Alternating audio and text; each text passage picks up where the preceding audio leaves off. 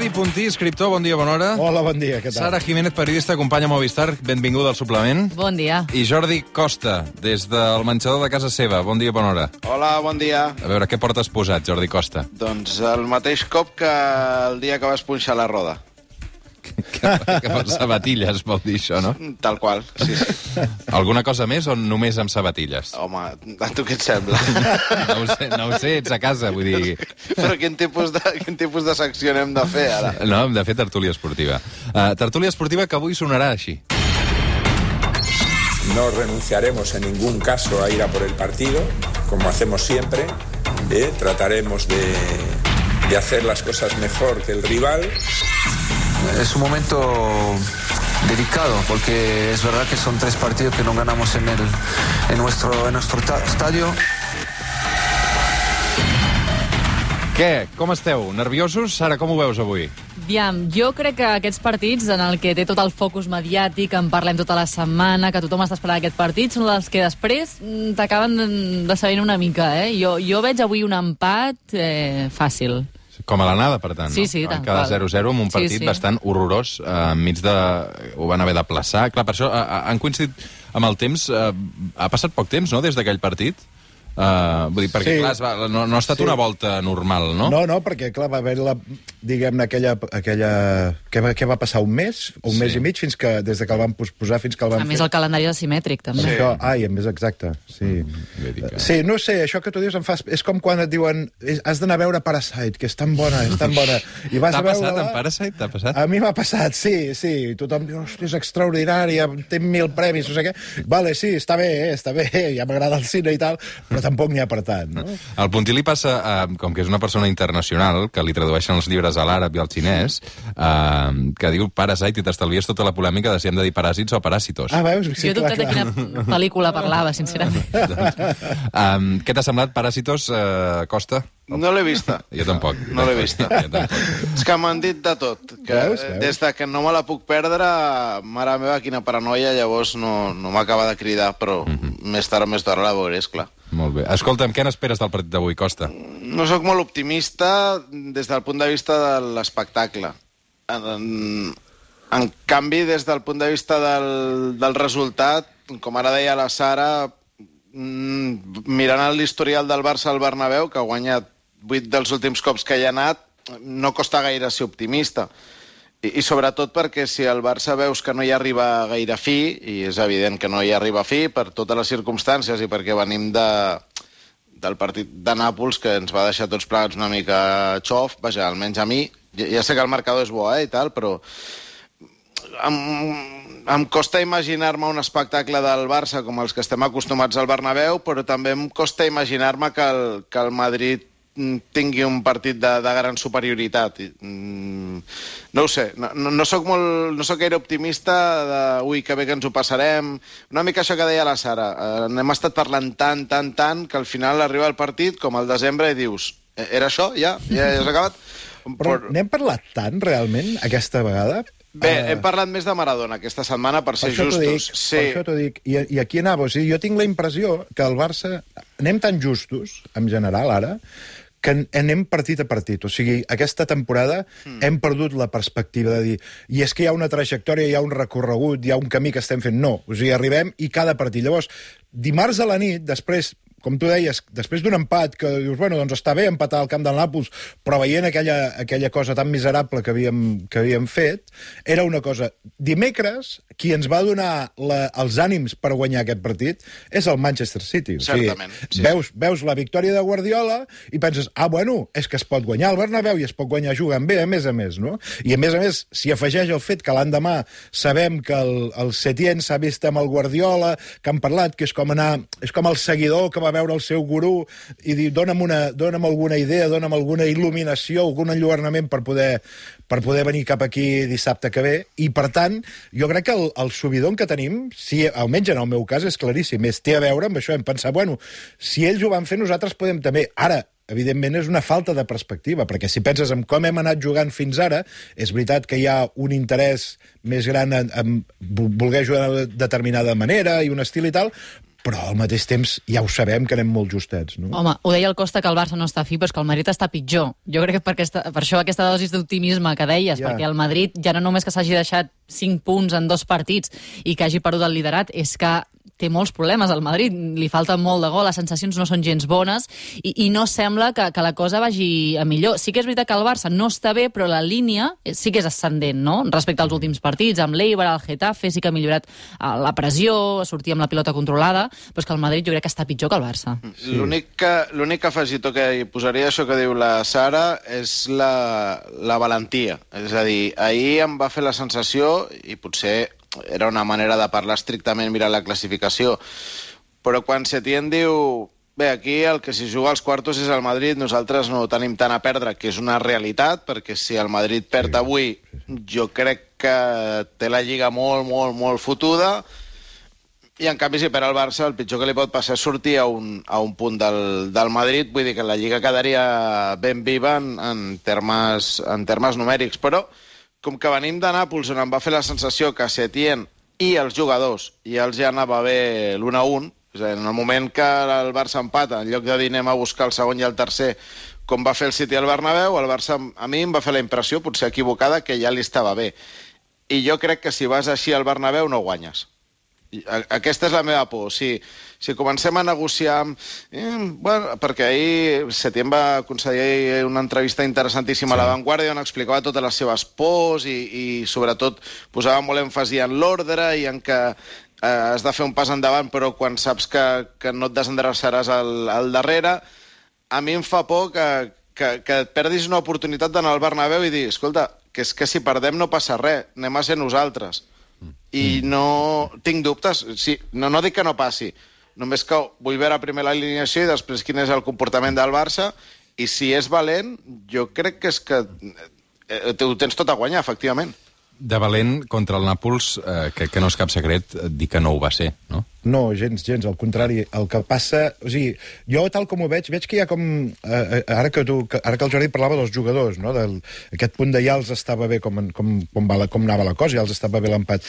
Jo crec que hi ha eh, dos o tres jugadors claus, com, com són Busquets, com és Messi, eh, que, depenent de qui tenen al costat, adopten una actitud o n'adopten una altra. Llavors, si tu tens al costat un De Jong que té ganes d'anar-hi a totes, és una cosa. Si tens al costat un Rakitic, que més aviat és això que tu dius, té aquest esperit conservador, que diu, bueno, anirem fent, que no, perdem, no perdre la pilota, tal, eh, és una altra, completament diferent. Llavors, avui, per exemple, a mi m'interessa molt veure si qui posa a l'extrem. Si posa Vidal o si posa Braithwaite, no? Ja que hem, ja que hem fitxat aquest...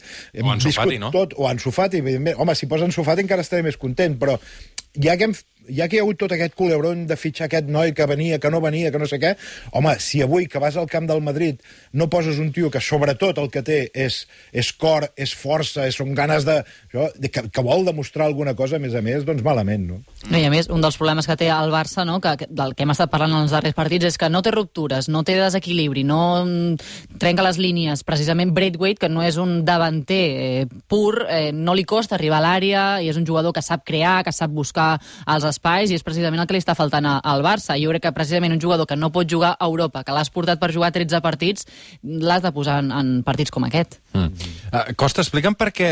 És a dir, Setién, eh, ara m'ho deies, ahir va concedir una entrevista, uh, molt interessant també, mm. um, des de l'època de Rijkaard, que l'entrenador del Barça no concedia entrevistes, no? Sí, sí. Uh, el Guardiola ens va deixar infinita, infinitat de coses bones. La dolenta és que va començar o va, va culminar el procés de bunkerització de, del vestidor perquè amb la seva arribada va ser l'entrenador no concedeix entrevistes i a partir d'allà doncs, no em va donar Tito Vilanova, que és curiós, perquè Tito Vilanova quan era el segon sí que en concedia. És a dir, no, no és que tingués al·lèrgia I això per què? És un tema de prote protegir-se? Mira, jo, en, en el cas de Guardiola jo crec que va pensar si en dono a un i no a l'altre, eh, encabronaré uns i no als altres. M'estimo més no donar-ne a ningú i tots contents, devia pensar ell. El problema és que a partir d'aquí, mm, amb tots els respectes, en, és a dir, em puc imaginar que Guardiola tingués 400 milions de peticions d'entrevistes i en canvi em costa més imaginar-me que el Tata Martino o que Valverde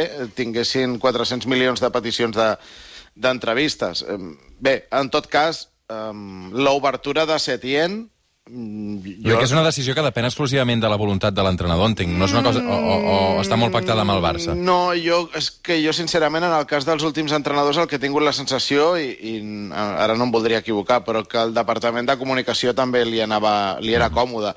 I ha arribat Setién, que és evident que és un tio que no li costa explicar-se, cosa que jo agraeixo, jo li puc discutir moltes coses, sobretot respecte al que va dir a la presentació i el que veig que no ha anat fent, però a mi m'agrada sentir-lo explicant per què ha canviat el dibuix o per què no juga Riqui Puig, o... és a dir, ell t'ho explica, després tu hi pots estar d'acord o no, però l'explicació la tens. I al final dels partits és didàctic i a sobre no li importa. En el cas d'ahir, seure una estona amb, un periodista, amb dos periodistes que li fan les preguntes que corresponen i després fins i tot va fer 20 minuts de xerrada com qui diu, tàctica amb, amb l'Àlex del Mas, que pels que són malalts d'això era riquíssim. No, és que no costa tant. No, crec que Setién no deu tenir una angina de pit ni res que s'hi assembli avui. Continua, continua respirant. Sí, sí. Uh, Puntit va convèncer de per què no juga Riqui Puig, tu que n'ets fan? Bueno, sí, em va, em va convèncer a mitges. Què va dir exactament? Perquè... Bé, venia a resumir que, que en pilota meravellós, però que, que havia d'aprendre conceptes defensius sense pilota, etc etc, cosa que segurament és, és així. A mi el que em toca la pera en aquest cas és que el primer dia... El que em va cridar més de l'atenció de la roda de premsa de presentació de Setién va ser quan va dir que els joves havien de jugar no només per ells, sinó perquè afegien una energia que el, que el vestidor gran li anava bé i, i zero. O sigui, ha mm. jugat Ansu perquè ja no el considerem dels joves. La resta, Riqui Puig va tenir un partit, Collado sis minuts a València quan ja havien perdut el partit. Bé, jo entenc que, que té algunes altres servituds, però si amb 14 tios disponibles ni així juguen els joves, a mi, jo què vols que et digui? M'ho han d'explicar bé, això. Mm. Uh, un segon, eh? De seguida vaig al puntí i la Sara. He d'anar a Madrid abans. Sebas Guim, bon dia. Què tal? Bon dia. Uh, gràcies per atendre el suplement. Sebas, escolta'm, um, et veiem sempre seguint l'actualitat del, del Madrid. Uh, quina és l'última hora referent al Club Blanc? Uh, sabem algun tipus d'alineació? Crec que un dels dubtes és saber si juga o no juga Bale avui. El, el tema és aquí, no? Gareth Bale és, és un home que, que crea addicció en Zinedine Zidane, però crea una animadversió en tota l'afició després de tot el que ha fet al llarg de, no aquesta temporada, sinó dels, dels últims anys. Un home que, que va costar 100 milions d'euros gairebé i que no ha respost a, la, a les expectatives, i menys encara en el moment en què Cristiano Ronaldo diu adeu-siau, me'n vaig eh, cap a la Juventus de Turí, i aquest havia de ser el gran referent pel madridisme, no va fer la passa endavant i l'equip, evidentment, se n'ha ressentit. Després, totes les històries eh, arran de, dels pals de golf i de gales i de tot això, mm. doncs ja hi han afegit una miqueta més de, de pebre. Però tot i això, a Zinedine Zidane li agrada, li molesten un munt de coses, però li agrada pels partits importants i tot i que mm, pugui sorprendre, avui eh, Gareth Bale podria ser titular eh, en el clàssic contra el, contra el Barça. Jo penso que està en un millor moment de forma eh, Vinícius Júnior, però clar, es troba amb un problema amb Vinícius Júnior, que és un home que, que, que, té, que és un gran extrem, que trenca, que afronta el, els davanters, però que no té xut, que no té gol, i el Madrid ara mateix eh, té una sequera golejadora impressionant, té un davanter centre que va començar la temporada amb les piles carregadíssimes, però que ara, en aquest 2020, en nou partits només un gol, en tot el 2020 només dos gols, s'espera molt més de, de Karim Benzema. Llavors, qui està al costat de Karim Benzema? Doncs eh, ara mateix els que hi ha tampoc han fet gols. De fet, ahir a la convocatòria va decidir fer un canvi, una sorpresa, una gran novetat, que és deixar fora Luka Jovic, que tampoc és que hagués disposat de gaires minuts, però jugar-se-la, eh, incloent el català Mariano Díaz de Premià, amb qui només va comptar la Supercopa d'Espanya en eh, minuts escadussers i només havia entrat en una convocatòria de Lliga. Doncs avui, si el Madrid té problemes de gol, podria fer entrar eh, Mariano per, per buscar aquest gol que, que tant necessita. Hi ha alguns dubtes, però bàsicament el principal és Gareth Bale o Vinícius, o qualsevol sorpresa que es pugui inventar Zidane, que en els partits importants ho acostuma a fer també. Mm, crec que l'equip no està ni concentrat, no? que els ha convocat directament a, a una mica tàctica Guardiola no? al, al, a l'hora del partit.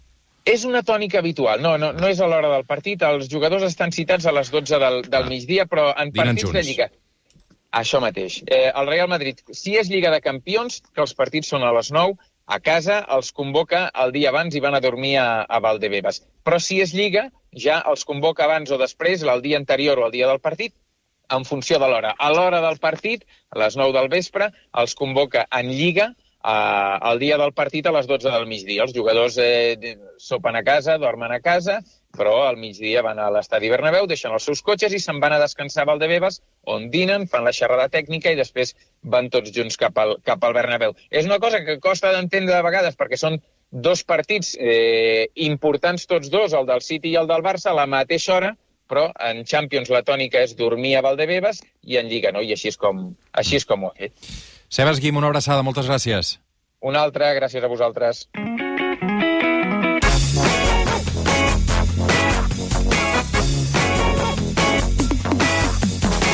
10 i 46, som al suplement, som a Catalunya Ràdio, amb el Jordi Costa, amb el Jordi Puntí, amb la Sara Jiménez, parlant de la prèvia del Clàssic. No sé si en defensa eh, tornarà a sortir un tití, Sara. Aviam, és una de les incògnites mm, bàsicament perquè ja sabem quin és el físic d'un tití i porta molts partits jugant. Sí que és veritat que Setién li agrada molt i, i sobre el paper diria és que jugarà amb tití. tant? Per què? Perquè té bona sortida de pilota i això a Setién li agrada molt. Però, aviam, eh, jo crec que porta molts partits eh, un tití, ja Va sabem patir, que no?, a vegades. que no, que no tornarà mai a ser l'Umtiti que, que tots vam veure com, quan va arribar al Barça, però és el dubte, eh? Jo faria jugar a l'anglès, però jo crec que, que jugarà un Titi. Ui, no, jo no, ni m'havia plantejat, no havia arribat a plantejar-me aquest, aquest debat, perquè per mi sempre és, és molt millor l'Englet. Uh, el que passa, i a més a més hi ha una altra cosa, i és que veient una mica el, el que explicaven el, el Sebas Guim i, i, això, i aquesta cosa del Bale, estava pensant que en realitat el Madrid, que és veritat que no té gol, però el gol, al final, bueno, és molt important, evidentment, però és una cosa cir circumstancial, o sigui, si, si es juga bé, acaben entrant, no? Um, el, jo crec que el Madrid està plantej, probablement plantejarà, si ha, si ha pensat en Bale i ha pensat en el Mariano aquest, plantejarà una, un partit de, de contraatac i de córrer i posar dos tios al mig del camp com el Valverde i el Casemiro que, que rasquen i rasquen i rasquen i són durs i per intentar parar aquest, aquest joc que pot probablement el, el Setien intentarà oferir, no? I per tant, doncs, em puc imaginar un, un partit de, de pilotes llargues i a córrer, no? Bale corre molt i, i Mariano també és un bon jugador que ataca l'espai. Mm, no ho sé, uh, penso que amb aquesta dinàmica és millor l'Englet que, que un tití, clarament. Costa. Eh, Jo, mira, jo al contrari, jo m'imagino un, un partit, no sé, eh, és possible que algun dels dos es vegi obligat a, a esperar, però m'imagino un partit en què, a diferència del clàssic del desembre, on el Barça es va limitar a veure-les venir, on els dos voldran tenir-la, per- però més que res per maquillar les seves pròpies limitacions, perquè el Barça sap que un partit obert no, no li convé gens, li convé, jo crec que que passin poques coses crucials i que, i que evidentment les faci a la porteria rival i el Madrid em sembla que l'altre dia es va donar que, que tot i, sí, Casemiro, Valverde, gent que, que, té, que té cama forta al mig del camp, si el rival li llegeix bé les transicions defensives és, és un equip vulnerable. Llavors, més en el cas de Setién sí que és per convicció, però més per necessitat que per convicció me'ls imagino els dos volent tenir la pilota i volent viure lluny de la seva porteria. Eh, Pel que fa al, al cas de Bale, a mi em sorprèn. Jo ja, ja sé que pot sortir perquè és un jugador que, que té trajectòria i avui te'n pot fer tres. Però jo, si surt l'11 del Madrid i hi és Bale i no hi és Vinícius, jo crec que serà una bona notícia pel Barça, perquè el brasiler no té, no té gol, és, és una evidència, però és un jugador que és un mal de cap permanent, és un desequilibri, i això per un equip que, que diguem, defensivament ha tingut certs problemes aquesta temporada com el Barça, jo crec que és una tranquil·litat. Ara, clar, Bale te'n pot agafar una a la frontal de l'àrea i, i te la fot a dins i, i cap a casa. Això I, sí, I, però... I Bale és un jugador que sap que aquests partits el fan viure, és a dir, que pot estar en stand-by com s'ho mor durant 7-8 partits, no jugar, i de cop un Barça-Madrid és un aparador molt gran, surt, i et fa les 3-4 jugades, et fa un o dos gols. És, és un tio que, a més a més, contra el Barça generalment està bé. Sí, sí, està clar que és un jugador episòdic. De fet, el clàssic del Camp Nou va jugar i també era dubte abans de començar el partit i, si us recordeu, l'únic gol del partit que va acabar sent anul·lat el fa ell. Sí. I hem de tenir en compte que Vinícius té una definició molt dolenta, eh? És que és, és fatal, eh, davant del porter. Vull dir que sí que és veritat que et dona molta velocitat i et trenca línies i t'arriba i, i, porta boig a la, a la defensa, però és que amb la definició és, és molt, molt dolent. I precisament Bale... A mi em passa una cosa amb Bale, que és que a vegades no me'n recordo que hi és, no? Que, que parlem del Madrid i, i no sé si està lesionat, si, si està bé, no me'n recordo mai. O sigui, no, no penso en ell amb un, amb un 11. Però sí que és veritat que quan pitjor està, et surt amb un partit d'aquests, t'agafa la banda, agafa la moto i, i ja, i ja l'has perdut.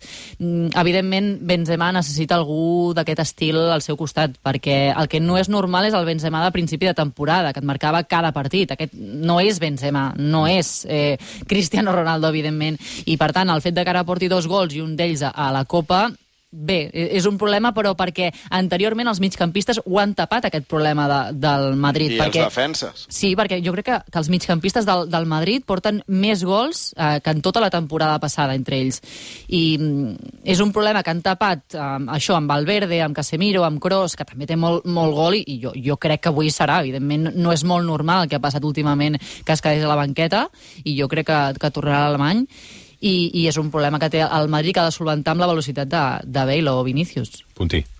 Bueno, no, no, no, estic d'acord amb vosaltres. Clar, jo, eh, abans que el, el, el Jordi Costa ho veia diferent que jo, i és lògic, o sigui, ell, tu, tu tens una perspectiva de periodista molt més afinada, jo parlo per la... No, però no ho sé, eh? No, no, ja, ja, però tu... No, Potser no, però tu, la- la teva anàlisi és molt més afinada. La meva és d'aficionat que està explicant el que li agradaria que passés. Ah. No? És, la, és una mica així. I, I al mateix temps hi ha una altra cosa, que és que inevitablement no ho puc evitar, eh? que el, a mi el Madrid sempre em fa por. Home. Sempre hi ha aquesta cosa. I ara, per exemple, estem parlant de tots aquests jugadors i no parlem d'Isco, i no parlem de Marcelo, i no parlem de Modric, que són jugadors que han passat precisament per aquesta sensació que té el Madrid ara de ser un equip sen que no enfoca, no? que està com perdut, una mena de laberint interior, doncs eh, no en parlem i, i quan surten, generalment contra el Barça, el Marcelo, per exemple, que ara segurament no serà titular, sempre ha fet bons partits. Amb el, el, el Modric, tres quarts del mateix, no? El Kroos, que tu dius, ostres, és, són, són jugadors que a mi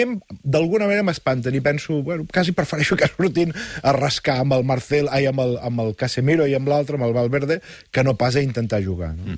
Per cert, avui uh, Mateu Laos és l'àrbitre del, Oh. del Clàssic. Uh, això veig que no genera consens. No, home, és que ma- el, el, ahir hi havia un article de l'Alberto Malaro que deia l'àrbitre arbitrari i el titular era l'àrbitre arbitrari i estic d'acord, o sigui, és un, és un, a mi em posa molt nerviós també, el Mateo Laoz t'he de dir, no m'agrada gens Quins són els precedents? Costa, posa en context una mica. Ui, ara em mates. És que jo el tema arbitral me'l trobo quan m'hi poso. Vull dir, no, ara m'ho ha recordat perquè ho, ho van anunciar l'altre dia, però no hi havia donat la més mínima importància. Ara, és veritat, eh, és veritat que contra un equip que té futbolistes que a vegades van al límit, per, per exemple, jo tinc una impressió que, que si tu vols és amb la bufanda, que Casemiro és un jugador extraordinari, però que rarament hi ha un partit en què no faci dues accions que mereixen la groga. És a dir, per mi, sent un jugador magnífic, em costa, em costa no veure l'expulsat cada partit. Amb Ramos ja n'hi en parlem. Clar, tot això amb el tarannà de direcció de partit de, de Mateu, que és tot, tot sovint és juguin-juguin, quan un altre marcaria falta, jo crec que no, que no ens va gaire l'hora, però eh, jo és que sóc al·lèrgic a plantejar un partit pensant, ui, uh, avui ho tenim fotut per l'àrbitre. Si el Barça juga bé, no anirà de, de l'àrbitre, de la mateixa manera que el partit d'anada a Madrid van fer grans escarafalls amb, amb els penals a l'àrea del Barça i el Madrid no va guanyar perquè no va tenir punteria. Vaja, jo sempre ho intento veure així perquè si no se'm faria molt avorrit. Sara. És un problema quan tothom parla de l'àrbitre, quan tothom coneix l'àrbitre, quan tothom està pendent de, de l'àrbitre. Mm, Sí que és veritat que, que Mateo es fa notar, no? acostuma a ser protagonista i això no hauria de ser així, perquè al final els protagonistes són els, els futbolistes, però jo crec que en aquest sentit sí que he sentit aquesta setmana gent del Barça dient ostres, que Mateo Laoz és que... Jo crec que, que els del Madrid tampoc estan massa contents amb Mateo Laoz. No, no, és que eh, probablement estic, estic d'acord, segurament no. Deuen pensar, hosti, un horror, a- afavorirà el Barça, el que sigui. El, el problema de Mateo Laoz és que això que estem fent ara, que és parlar de Mateo Laoz, li encanta. Mm. I el, és el que vol. O sigui, vol que, vol que recordem el seu nom i, en realitat, Recorda mi nombre. sí, remember, exacte. Remember my Nike, Nike. Hauríem d'haver fet l'anunci amb Mateo Laoz amb 14 anys. És que fa poc el vam poder entrevistar i a mi em fa la impressió que, que ell se sent una part de l'espectacle. I Sí. jo ho lamento perquè ara si ens està escoltant algun àrbitre dirà és que ho som. Per mi no. Mm. Per No, mi són els àrbitres de l'espectacle i, i mai millor dit. I per tant no, no haurien de tenir aquesta, aquestes cotes de protagonisme i a ell li encanta ara xerrar i a més avui que, que els coneixerà a tots que si Sergio, que si... Mm. Els coneix pel nom de pila. Clar, A mi, a mi això em carrega. I als jugadors això no els desagrada, llevat que arriba un moment en què no saben... que no... Varia... Mm. Una mica de distància, no? Sí, a part que a vegades varia el, el seu criteri lax a l'hora de deixar jugar, a vegades de cop varia. I aquí és on mata els futbolistes. Això ho deia el, el Tito Vilanova. És que el, el pitjor de Mateu no és que s'equivoqui, és que no saps per on et sortirà i això t'acaba tornant boig, el, el futbolista. I jo això puc entendre, aquesta sensació. Per cert, per tancar, um, Jordi Alba titular avui o no, Sara? Jo crec que sí. Carai, Jo crec que sí. perquè porta un mes, no? Ben bé gairebé, o Sí. tres setmanes, o... Sí, sí que és veritat que Setién ja va deixar clar que això ho havien de consensuar amb el, amb el jugador, però si ha entrat a la convocatòria, um, i jo crec que contra tot pronòstic, no? que és massa aviat, poder, perquè entri a la convocatòria, si ha entrat, jo crec que és, que és per jugar. Sí, no anem, no anem gens sobrats. O sigui, ara jo, jo també m'agafaria a un clau ruent en aquest sentit. Eh? I posaria- Junior Firpo no... Home, no. No Fa- acaba, Et, no et, acaba. et fa patir una mica, eh? Però és que Alba, Alba no surt de l'hospital, eh? Jo no... Vaja, no sé què farà Setién, però jo me'l guardaria com a recurs. En aquest cas, el Barça va tan tirat de, de davanters que el recurs, si les coses van malament, pot ser un lateral esquerre, i ja, ja m'enteneu, però... Jo no me, la- a mi em sorprendria molt que fos titular, de veritat. És que Júnior... Mm, Ja, ja, no, no, pot, evident. Pot liar una... Però és, que, però és que si fos per això, eh, mires a l'altra banda hi ha Semedo, vull dir, si mires el nivell dels que et queden, hi ha moments que dius, escolta, posa l'altre coix. Però jo, és que jo... Vaja, és que queda temporada encara, jo no, no me la jugaria. Molt bé. Doncs el partit és a les 9, una hora abans, evidentment, a la TDT amb el Torquemada i tot l'equip. Tot això ho veurem en directe a, a Catalunya Ràdio. I aquesta tarda l'Espanyol que juga la vida una altra vegada a les 4 I tant. i, i el puntís d'aquests eh, seguidors blaugrana que eh, no té ganes que l'Espanyol baixi. Que... És la primera vegada que em, em sembla que no m'havia passat mai que pensar, bueno, si no baix... No, no, m'agradaria que, es, que, que es mantinguessin a primera. O sigui, per- per Segurament Pitu, és l'efecte Pitu. Pitu Abelardo, eh? sí. sí. Tot i que llavors hi ha el contraefecte Raúl de Tomàs, que aquella, aquella clenxa... La gomina, la gomina no aquella acaba- no acaba- no m'acaba d'entrar, però bueno, ho entenc. recorda entenc, molt a Cristiano entenc. Ronaldo, eh? Una mica, sí, sí. I, però bueno, si fa gols i, I tant, escolta, de quatre. I a, més, I a més tampoc juguen malament, o sigui que no... Puntí Costa, Sara Jiménez, moltes gràcies. Adéu, Adéu, bon dia. Bé.